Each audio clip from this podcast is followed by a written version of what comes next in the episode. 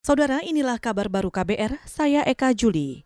Presiden Joko Widodo mengingatkan agar tidak ada warga Indonesia yang merasa paling agamis maupun paling Pancasilais. Hal ini disampaikan Presiden Jokowi saat pidato pada sidang tahunan MPR hari ini. Jokowi mengatakan sikap merasa paling benar dan memaksakan kehendak biasanya merupakan tindakan yang tidak benar. Ia meyakini bahwa rakyat Indonesia yang beragam dan majemuk tidak akan melakukan hal itu.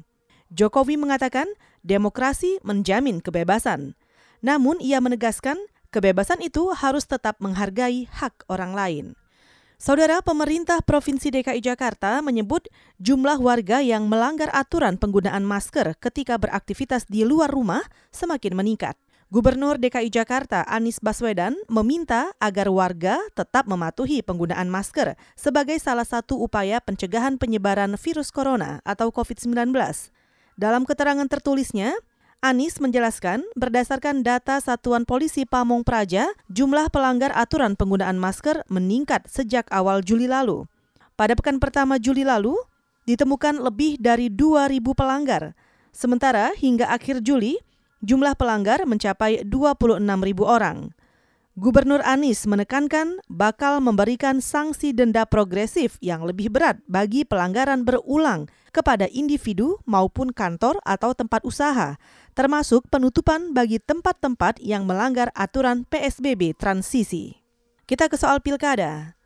Perkumpulan untuk Pemilu dan Demokrasi atau Perludem menilai calon tunggal di Pilkada Serentak 2020 berpotensi terjadi di 31 daerah. Direktur Eksekutif Perludem Titi Anggraini menyebut pilkada dengan calon tunggal dapat berakibat buruk bagi demokrasi di sistem elektoral Indonesia.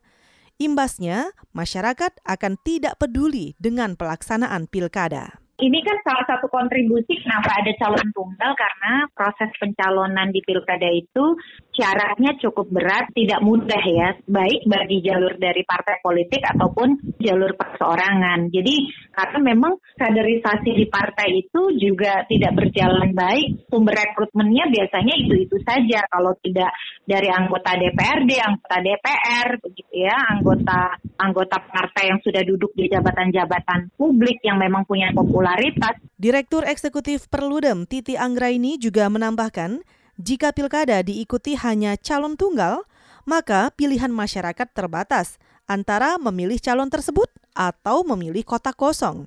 Jika kotak kosong yang menang pada pilkada, maka KPU akan mengulang pilkada pada periode berikutnya. Saudara, demikian kabar baru. Saya Eka Juli. Saudara, demikian kabar baru. Saya Eka Juli.